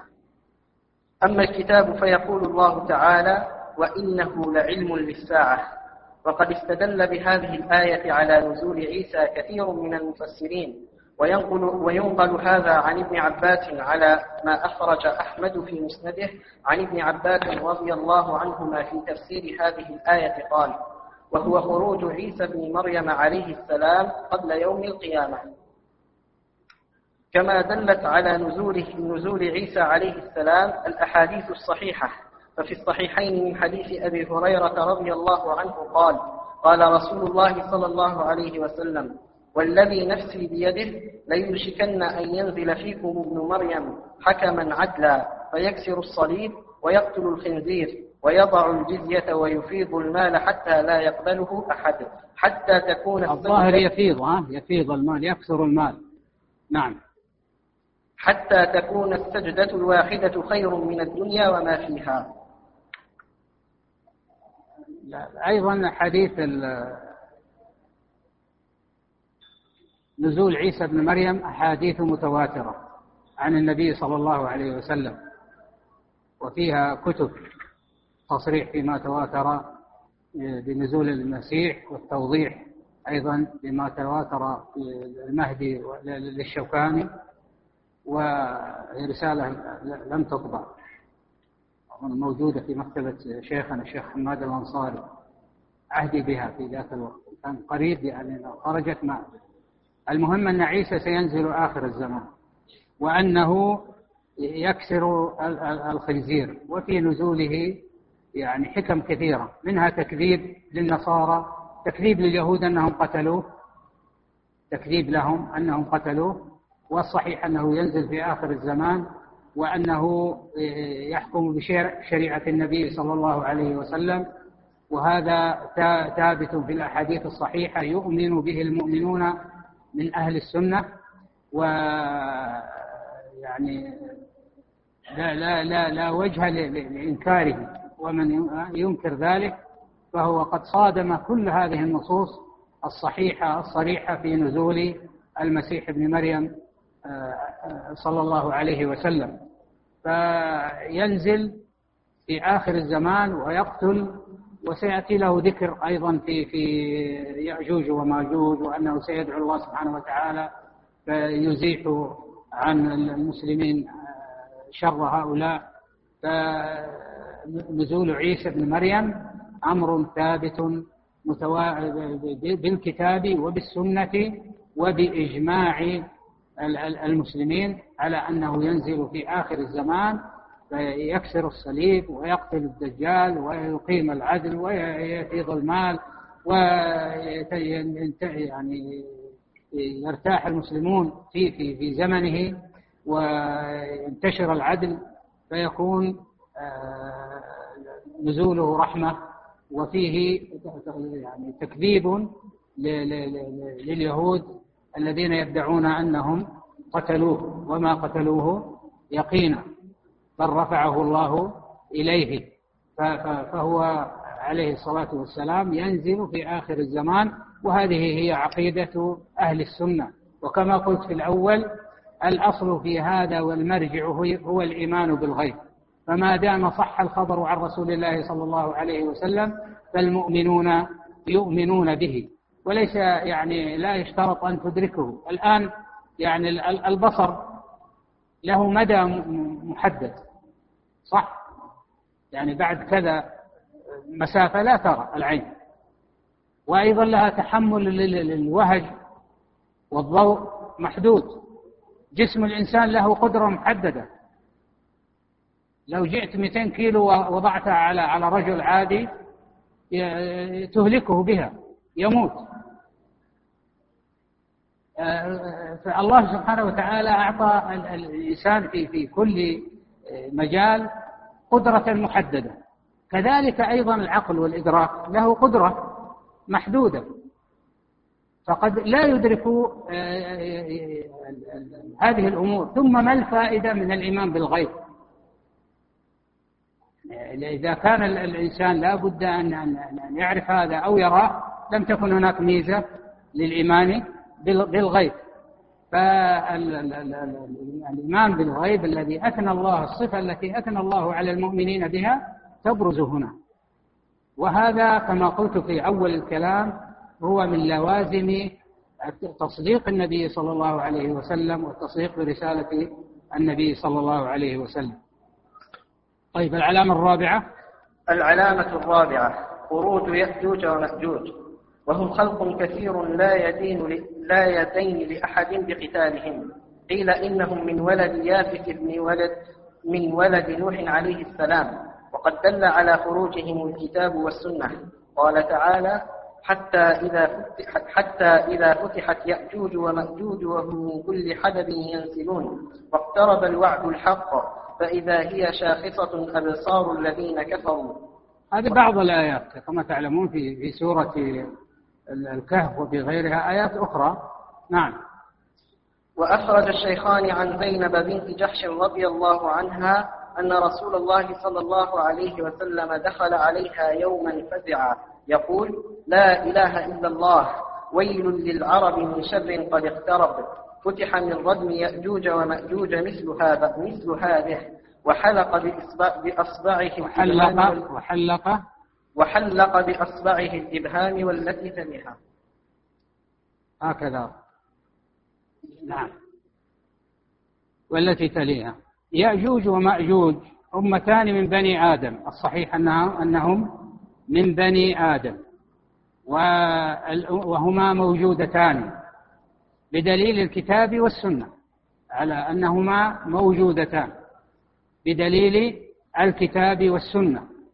فمن الكتاب قوله تعالى في سورة الكهف حتى إذا بلغ بين السدين وجد من دونهما قوما لا يكادون يفقهون قولا. قالوا يا ذا يا, يا ذا القرنين يا إن يأجوج ومأجوج مفسدون في الأرض إلى آخر الآيات. يعني هم من من من أيام ذي القرنين وهم موجودون. إذا هذا من الدليل من السنة أن هذه الأمة موجودة من قبل بل من قبل النبي صلى الله عليه وسلم. ومن السنة ما تقدم من حديث زينب بنت جحش فتح اليوم من ردم يأجوج ومأجوج مثل هذا وحلق آه، بإصبعه الإبهام التي تليها. والدليل على أنهم من بني آدم يقول الله تعالى يعني في الحديث القدسي يا آدم قم فابعث بعث النار. يوم القيامة يقول الله ليس حديثا قدسيا خبر من النبي صلى الله عليه وسلم. يقول النبي صلى الله عليه وسلم يقول الله يوم القيامة يا آدم قم فابعث بعث النار من ذريتك. قم فابعث بعث النار من ذريتك. إلى أن قال الحديث طويل قال إلى أن قال رسول الله صلى الله عليه وسلم أبشروا فإن منكم واحدا ومن يأجوج ومأجوج ها؟ ألفا. إذا هم من ذرية آدم. هو طولب بأن يبعث بعث النار من ذريته. فالنبي طمأن المؤمنين وبشرهم وقال أبشروا فإن منكم يعني من أمة النبي صلى الله عليه وسلم واحد. وألف من من؟ من يأجوج ومأجوج. والمطلوب من هؤلاء ها؟ هم من بني من من من ذرية آدم. فيكون إذا يأجوج ومأجوج من ذرية آدم لقول النبي صلى الله عليه وسلم أبشروا فإن منكم واحد ومن يأجوج ومأجوج. والمطلوب هو أن يكون من من؟ من ذرية من ذرية آدم. فيكون الحديث دال على أنهم من من ذرية آدم. زعم بعض المعاصرين أن يأجوج ومأجوج هم بعض الأمم الكافرة. كروسيا والصين وأمريكا وغيرهم. ويخرجون على الناس ويحصل بهم ما ما ما, ما حصل ما ما ذكر. وأن السد فتح منذ زمن ويرون أنه السد الموجود الآن في الصين. ويقولون هذا هو السد وهذا فتح من منذ زمن و ثم قالوا لو كان هذه الأمة موجودة والسد إلى الآن وما اندثر لعثر عليه ووجد هؤلاء وشافهم الناس وأين الرحالون وأين الناس ما والآن لا يخفى يعني على الأجهزة الحديثة والأقمار الصناعية ووجودهم لو كانوا موجودين. إذا هم آه، يعني المقصود بهم آه، الأمم الكافرة لا أمة أخرى تخرج في آخر الزمان. لكن الصحيح خلاف هذا. إذا قلنا الصحيح خلاف هذا فما الجواب عن قولهم هذا؟ قد الآن يقول الناس طيب أرني هؤلاء. نحن لا يهمنا الناس يهمنا عقيدتنا نحن. سواء قبل الناس منا أو لم يقبل. إن قبلوا فالحمد لله. إن لم يقبلوا فعلينا أن نؤمن بما أخبر به نبينا صلى الله عليه وسلم وصح عنه به الخبر. فهنا يجيب الشيخ محمد الأمين الشنقيطي في أضواء البيان رحمه الله تعالى فيقول ردا على هؤلاء فقولكم لو كانوا موجودين وراء السد إلى الآن لاطلع عليهم الناس. لاطلع عليهم الناس يقول غير صحيح قولكم هذا غير صحيح. لماذا؟ قال لإمكان أن يكونوا موجودين والله يخفي مكانهم على عامة الناس. أنا قدمت بمقدمة ما علينا من الناس لكن علينا عقيدتنا نحن. سيأتي واحد يقول هذا كلام فارغ. أو أنتم يعني كيف؟ يعني كانوا موجودين ومخفيين وين مخفيين؟ والله على كل شيء قدير كما سيذكر الشيخ. يقول لإمكان أن يكونوا موجودين والله يخفي مكانهم على عامة الناس حتى يأتي الوقت المحدد لإخراجهم على الناس. ومما يؤيد إمكان هذا ما ذكره الله تعالى في سورة المائدة من أنه جعل بني إسرائيل يتيهون في الأرض. انظروا إلى دقة استنباط أهل العلم. ها؟ جعله بني إسرائيل يتيهون في الأرض أربعين سنة. أربعين سنة في في في في, في بقعة محصورة محدودة. أميال أو كيلومترات محدودة في صحراء سيناء ها؟ ثم ما وجدوا واحد يدلهم على الطريق وما حد رآهم؟ يقول الشيخ. وذلك في قوله تعالى قال فإنها محرمة عليهم أربعين سنة يتيهون في الأرض وهم في فراسخ قليلة, قليلة من الأرض. يمشون ليلهم ونهارهم ولم يطلع عليهم الناس حتى انتهى أمد التيه اللي هو أربعين سنة. لأنهم لو اجتمعوا بالناس لبينوا لهم الطريق. وعلى كل حال فربك فعال لما يريد. وأخبار رسول الله صلى الله عليه وسلم الثابتة عنه صادقة. صادقة. صادقة. فيعني هذا نظير لذلك. أربعين سنة والجماعة يلفون ويدورون في هذه الصحراء. ما ما ما عثر عليهم أحد؟ ولا الأرض اللي, اللي حولهم خالية ما فيها ناس؟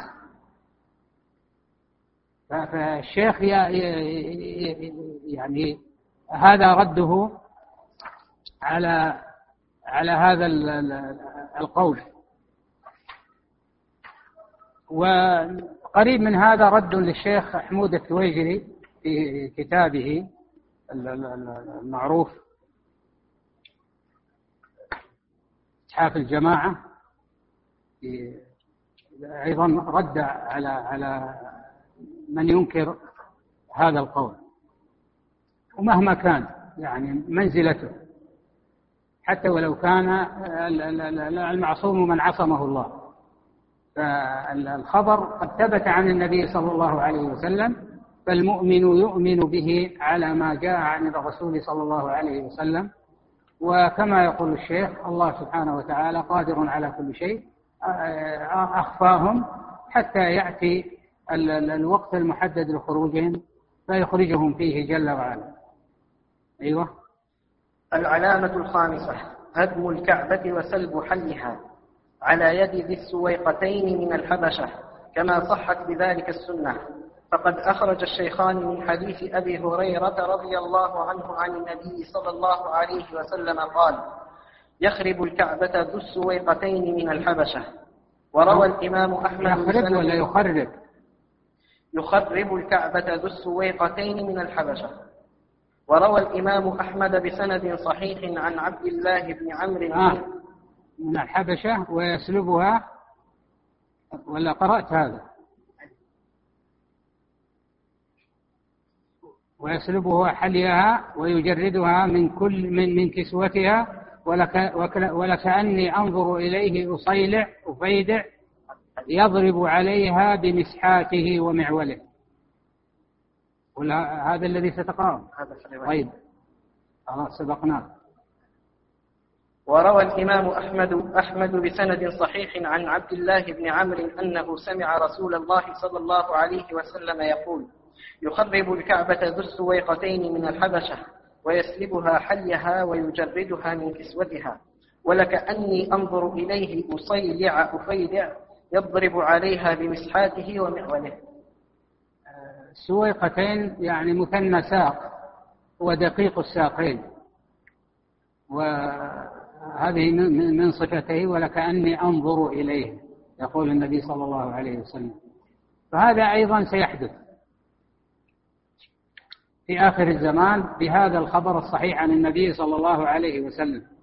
لكن آه، ويعني نجريه مجرى ما تقدم من الأخبار الثابتة عن النبي صلى الله عليه وسلم ووجوب الإيمان بها وأنها ستخرج. وهناك يا إخواني علامات الساعة هذه يعني كثير منها يعني قد يشكل على بعض لكن تفسيرها وقوعها. إذا وقعت عرفها الناس. تاريخها متى تخرج. كل هذا الكلام فيها كلام بلا دليل. لكن هناك يعني أو إخبار عام بأنها ستكون في آخر الزمان وقرب قيام الساعة. فالنبي صلى الله عليه وسلم أخبر بأن هذا الظالم الغشوم هذا يأتي ويخرب الكعبة وينقضها حجرا حجرا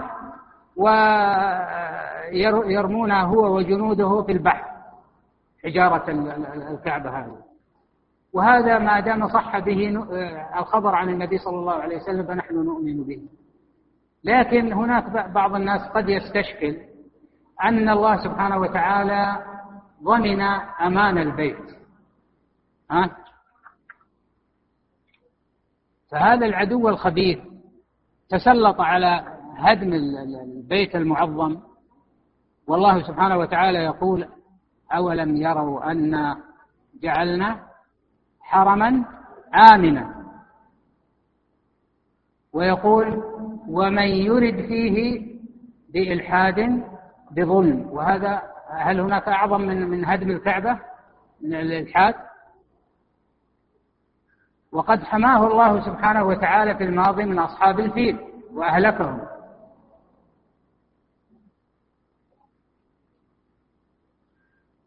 فيقول السفاريني في لوامع الأنوار البهية يعني الحافظ بن حجر رده وقال إنه لا لا لا هذا الأمان يكون ثابتا للبيت ما لم يخرقه أهله أهل البيت. أهل البيت يعني أهل يعني المسلمين. وقد فعل المسلمون يعني اعتدوا على حرمة البيت مرات. منها في زمن القرامطة ومنها في زمن الحجاج ومنها يعني في في في أزمان. وفي عهدنا آه، في سنة آه، بداية 1401 الحادثة الذي تعرفونها حادثة الحرم. إذا آه، حصل الاختراق من أهل. لكن السفاريني يذكر كلاما لعله هو الأقرب. يقول والذي يظهر لي أن هذا العالم مشعر بالإضمحلال. يعني هي الآن ستنتهي الدنيا. بدت تنتهي الدنيا. آه، مشعر بالإضمحلال. وكما ورد الشرع بالأمن الشرع الآيات والأحاديث وردت بأمن البيت الحرام. ها؟ وأخذنا هذا أن أنه أن الله تكفل بأمن الحرم مكة من من من نصوص الشرع من القرآن الكريم. ورد الشرع بالأمن ورد باضمحلال هذا العالم ودماره فهذا من من دمار العالم والبيت جزء من هذا العالم.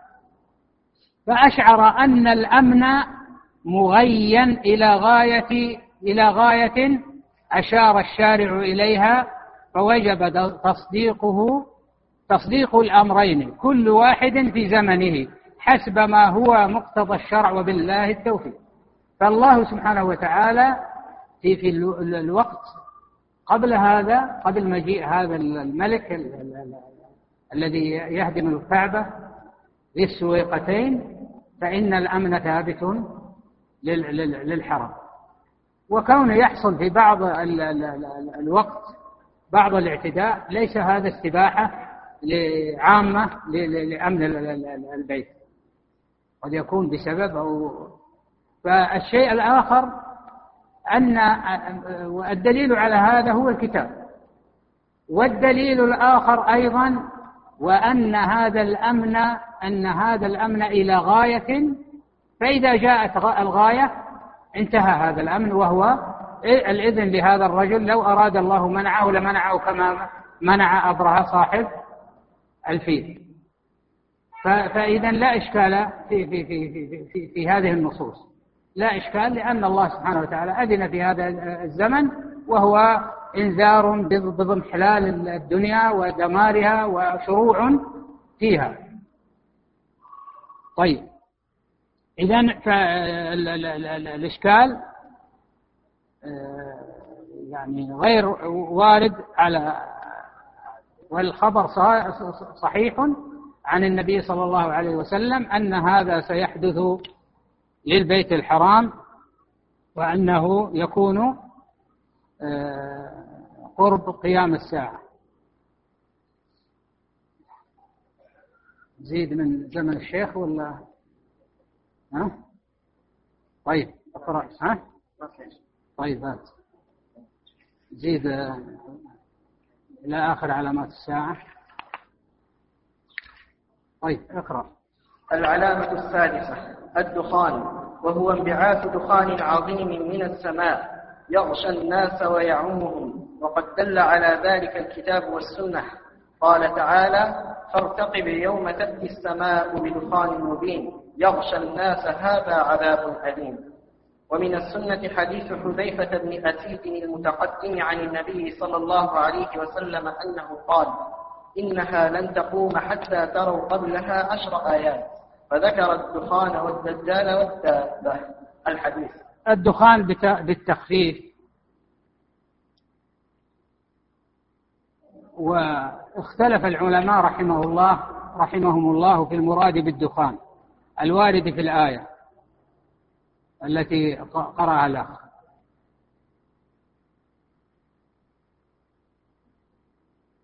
فذهب بعضهم إلى أن هذا الدخان هو ما أصاب قريشا من شدة الجوع عندما دعا عليهم النبي صلى الله عليه وسلم حين لم يستجيبوا له. وجعلوا يرفعون أبصارهم إلى السماء فلا يرون إلا الدخان.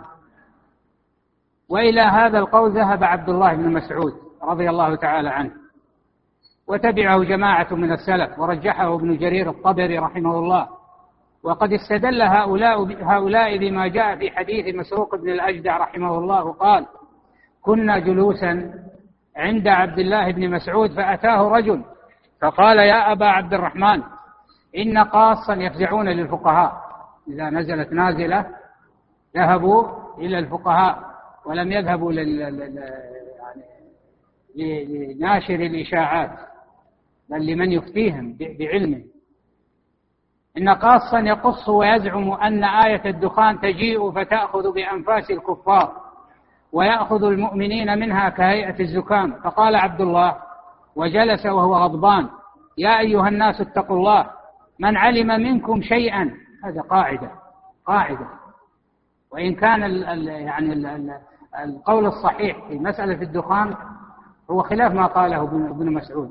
لكن انظر القواعد التي يعني يرجعون إليها.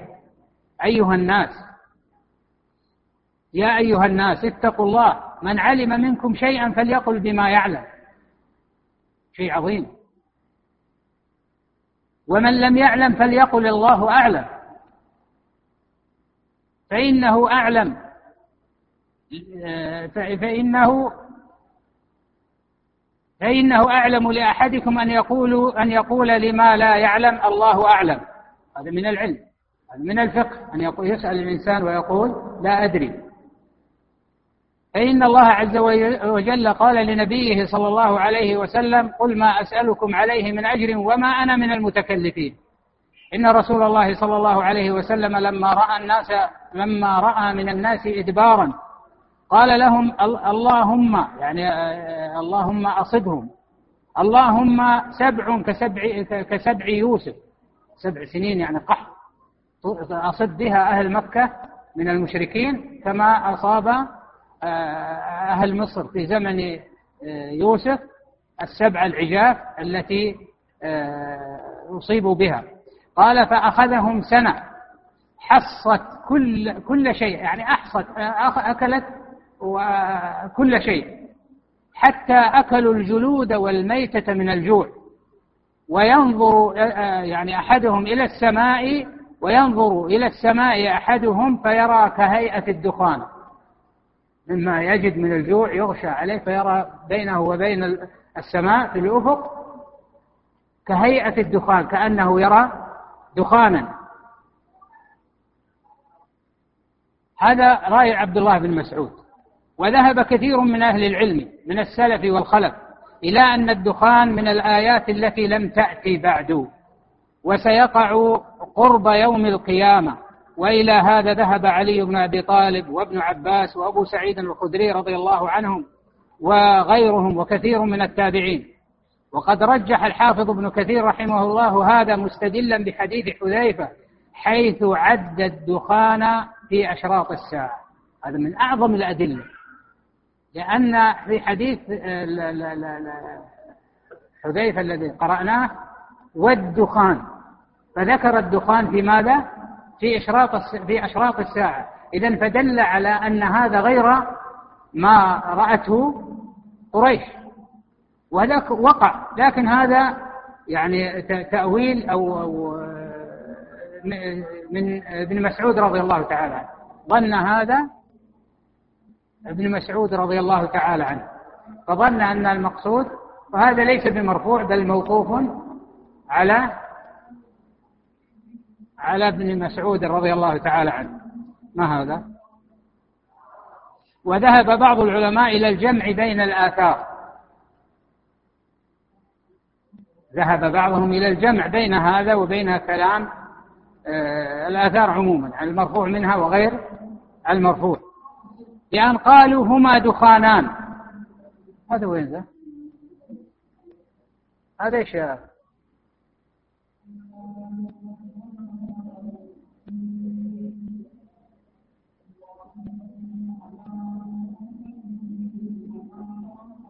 الرافضة هذولا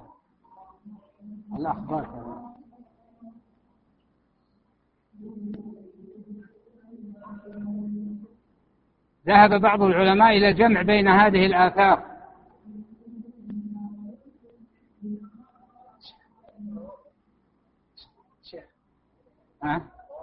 كيف تسلطوا على هذا؟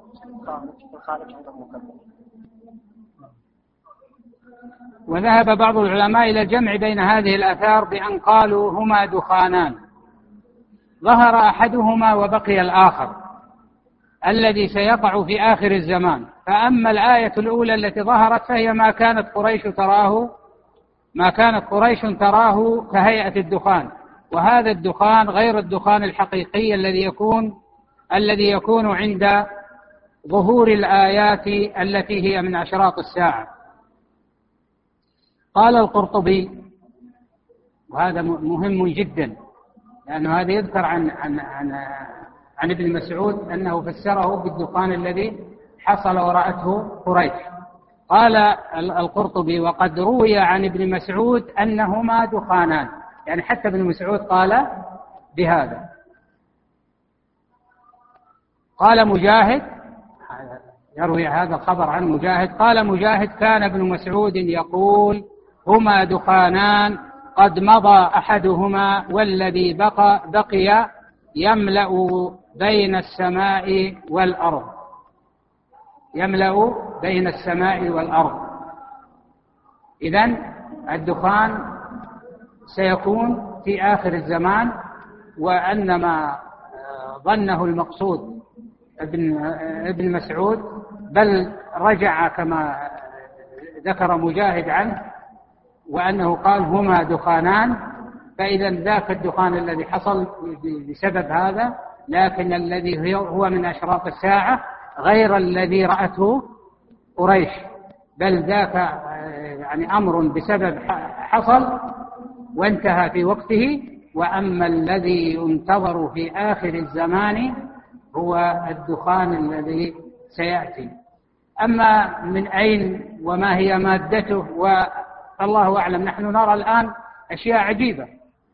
كالذي رأيناه في العام الماضي في في في بعض في بلدان الغرب وأوقف الطائرات فترة طويلة وعم جزءا كبيرا من الأرض وقبل أسبوع أو أسبوعين الذي جاء في أريتريا ووصل إلى شمال مصر دخان.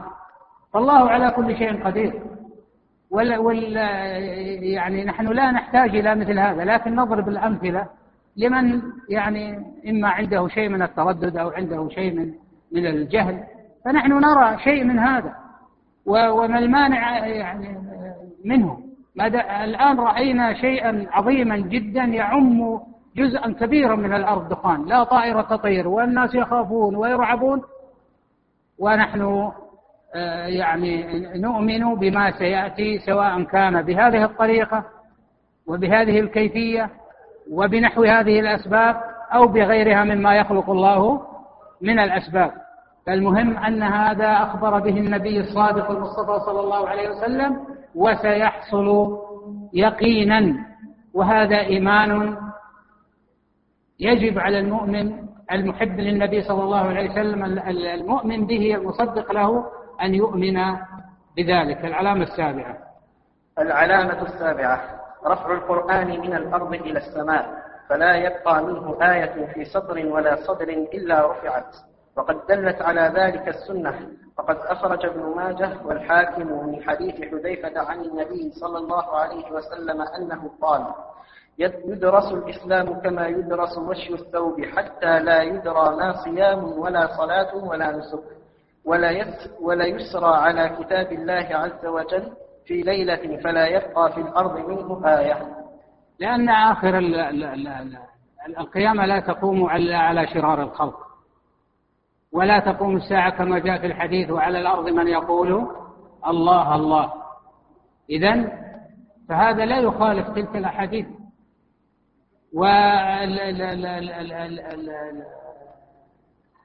والقرآن ما دام ثبت هذا عن النبي صلى الله عليه وسلم أنه يرفع وعقيدة أهل السنة منه بدأ وإليه يعود يشيرون إلى مثل إلى مثل هذا هذا الخبر. فمن عقيدتهم أن القرآن منه بدأ وإليه يعود يعني يشيرون إلى مثل هذا الخبر أن القرآن يرفع فيبقى الناس كفارا لا يعرفون صياما ولا صلاة ولا زكاة ولا يعرفون شيئا من أحكام الدين. يمر عليهم الزمن فلا يعرفون شيئا فحتى يعني آه، إذا إذا إذا حصل هذا الأمر قامت عليهم الساعة على شرار الخلق والكفار المؤمنون يموتون. وسيأتي أظن في في حديث آخر أنه تهب ريح. فتأخذ من يعني المؤمنين يموتون بهم تهب من جهة يعني تأخذ بآباطهم فيموتون فعليه فيبقى شرار الخلق وعليهم تقوم الساعة. إذا هذه من عقيدة أهل السنة أنه في آخر الزمان هذا يعني إيذان بخراب العالم الدنيا انتهاء. حتى تقوم الساعة على على على شرار الخلق ف يعني تقوم الساعة عليهم إذا كفروا وتأتيهم بغتة. وهذا الحديث قال عنه الحافظ بن حجر آه، في الفتح إسناده إسناده قوي وصححه الشيخ الألباني. فالحديث إذا صحيح وله آه، طرق يتقوى بها. طيب العلامة الثامنة؟ العلامة الثامنة طلوع الشمس من مغربها. وقد دلت على هذه الآية النصوص من الكتاب والسنة. قال تعالى يوم يأتي بعض آيات ربك لا ينفع لا ينفع نفسا إيمانها لم تكن آمنت من قبل أو كسبت في إيمانها خيرا. فقد ذهب جمع من المفسرين إلى أن بعض آيات ربك هي طلوع الشمس من مغربها. قال الطبري بعد ذكره أقوال المفسرين في الآية وأولى الأقوال بالصواب في ذلك ما تظاهرت به الأخبار عن رسول الله صلى الله عليه وسلم أنه قال ذلك حين تطلع الشمس من مغربها. وروى الشيخان من حديث أبي هريرة رضي الله عنه أن رسول الله صلى الله عليه وسلم قال لا تقوم الساعة حتى تطلع الشمس من مغربها فإذا طلعت فرآها الناس آمنوا أجمعون. فذاك حين لا ينفع نفسا إيمانها لم تكن آمنت من قبل أو كسبت في إيمانها خيرا. أو كسبت في إيمانها خيرا. وأيضا من الأحاديث حديث أبي موسى رضي الله تعالى عنه أن النبي صلى الله عليه وسلم قال إن الله عز وجل يبسط يده بالليل ليتوب مسيء النهار ويبسط يده بالنهار ليتوب مسيء الليل.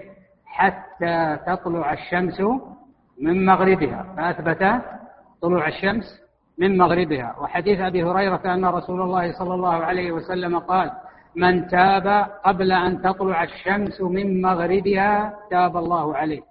رواهما مسلم الحديثان.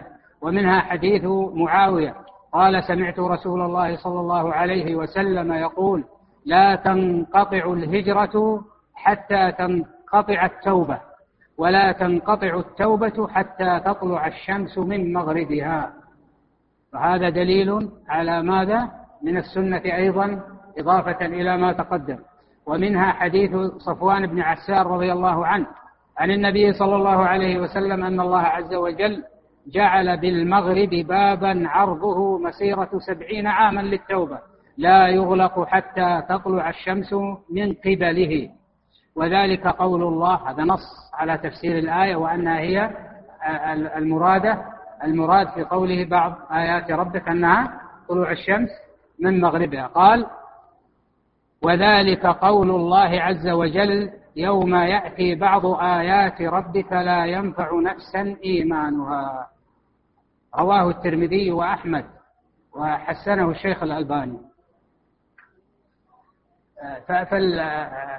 فهذا يظهر أن أقل يعني أقل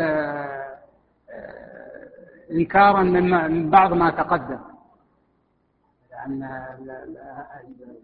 طلوع الشمس من مغربها ما ما اعترض عليه من بعض الفرق إلا إن كان نادرا.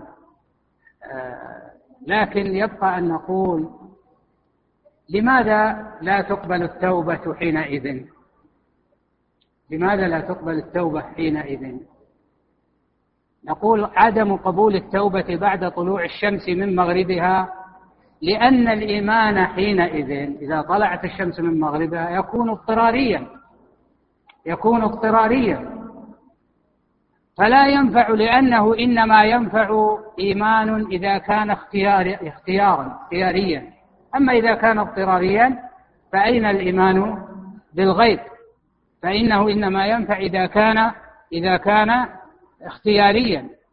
وإيمان الغيب يعني الإيمان بالغيب يعني الإيمان الاختياري بالغيب بما أخبر به الله سبحانه وتعالى.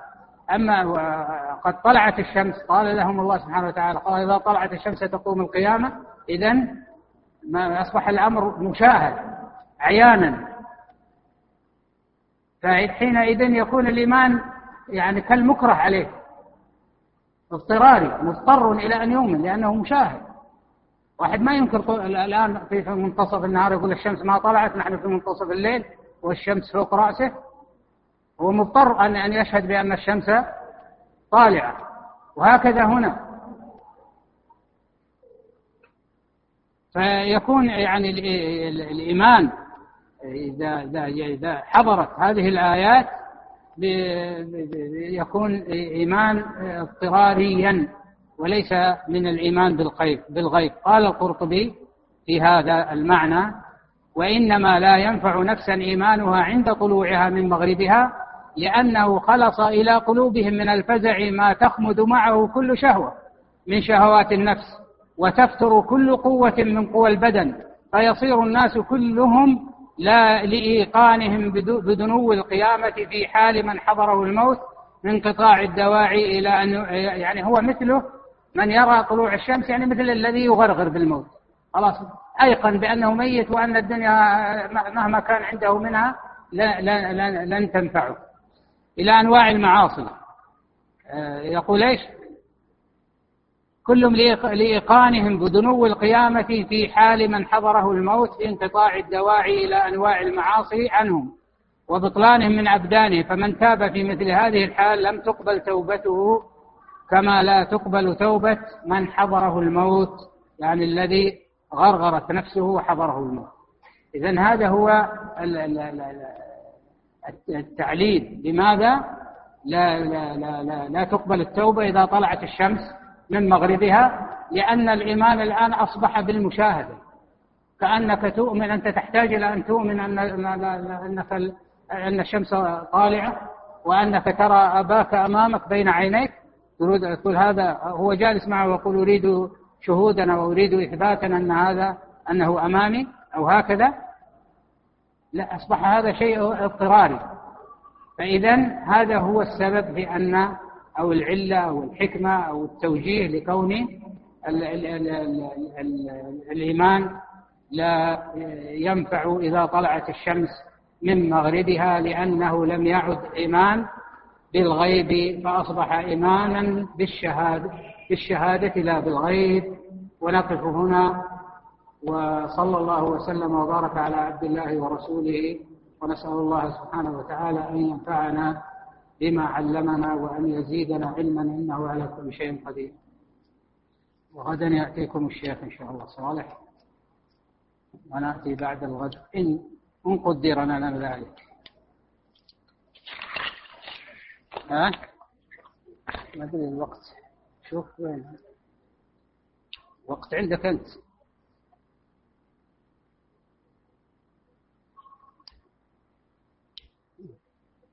وين وين السؤال؟ إيش؟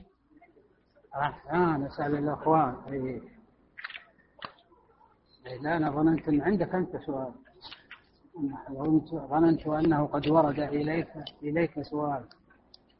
يقول الأخ أنا ما أحب الأسئلة الكثيرة. لكن يقول الأخ لازم تسأل. ما رأيكم؟ يقول لا بد أن نسألكم. فما رأيكم؟ ها؟ طيب نحن الآن نحن أريد أن أفاجئكم. ذكرنا كم علامة من علامات الساعة الكبرى؟ ها؟ أنت؟ ها؟ عشرة؟ التي قرأناها كم؟ سبعة. عد منها. إيه؟ إيه؟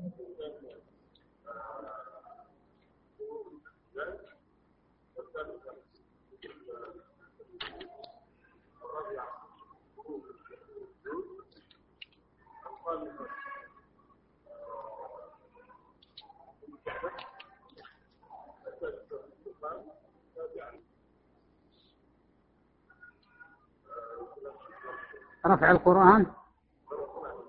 طيب طيب. نعطيه واحد من هذا؟ يقول أعطيه. أنا مأمور. طيب آخر ما ذكرنا. آخر ما ذكر هذا. الآن ما يشتغل هذا ها؟ شغال. طيب آخر ما ذكرنا يعني لماذا لا تقبل آه، التوبة إذا طلعت الشمس من مغربها؟ والله هذا الرجال دائما أشوفه ها؟ ها؟ ها؟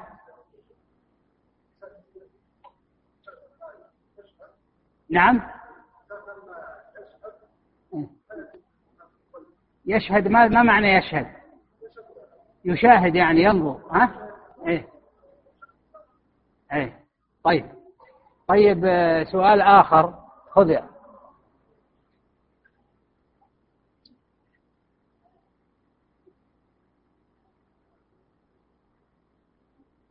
كيف تجيب من يقول يعني أنا ذهبت للصين ويقولون أن أن السد العظيم في الصين هو كان المفروض نسألك هذا السؤال لكن فات علينا.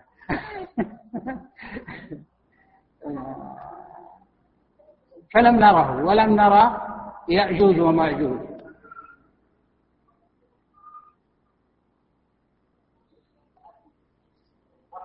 إيه. إيه.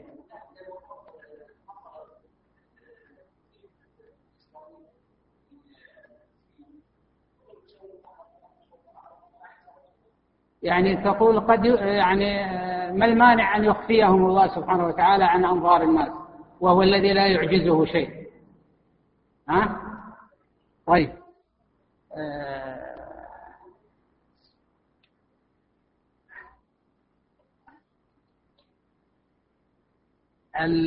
ذو السواقتين هذا الخبيث هذا المجرم.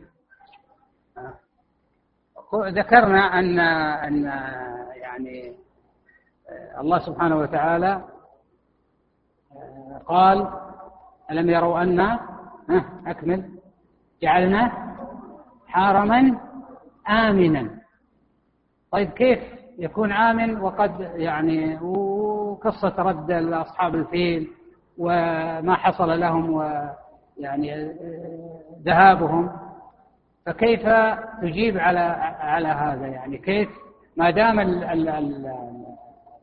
الله سبحانه وتعالى يعني تكفل بحفظ أمن هذا البيت. فكيف يبيح لهؤلاء؟ كيف يسلطهم على كيف لا لم يرد بالسويقتين عنه؟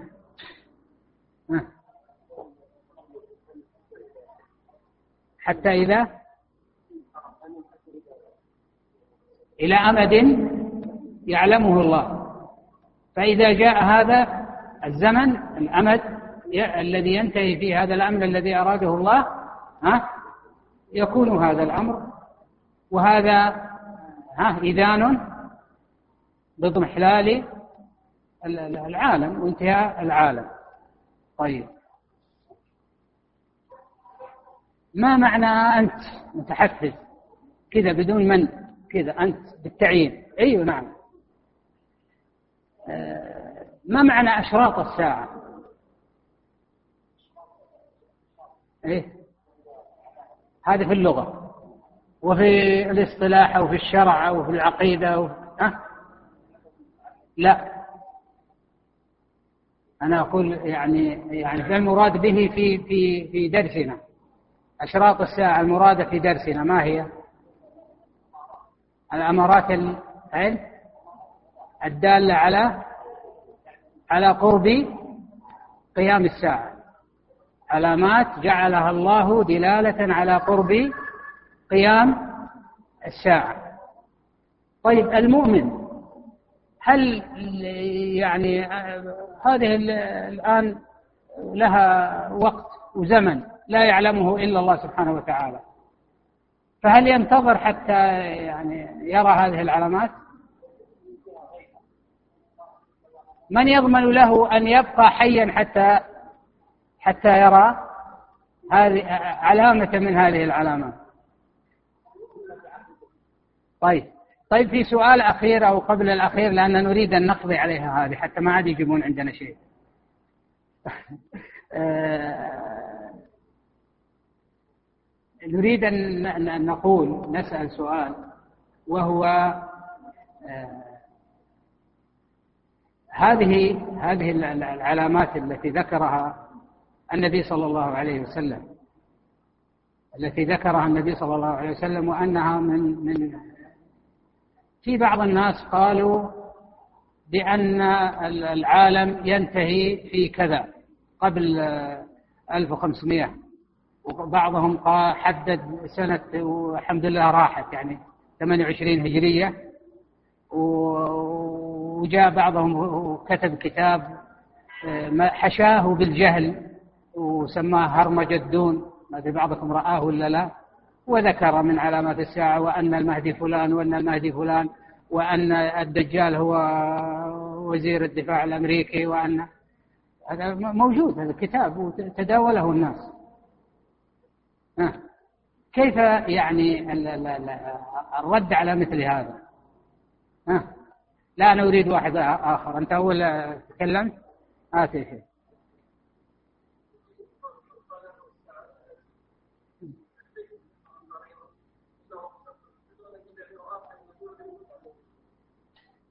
وأيضا بعضهم حدد وقتا ومضى هذا الوقت. ثم يطالب بالدليل هل يوجد في حديث صحيح تحديد زمن معين لخروج هذه علامة من هذه العلامات؟ لا لا يوجد.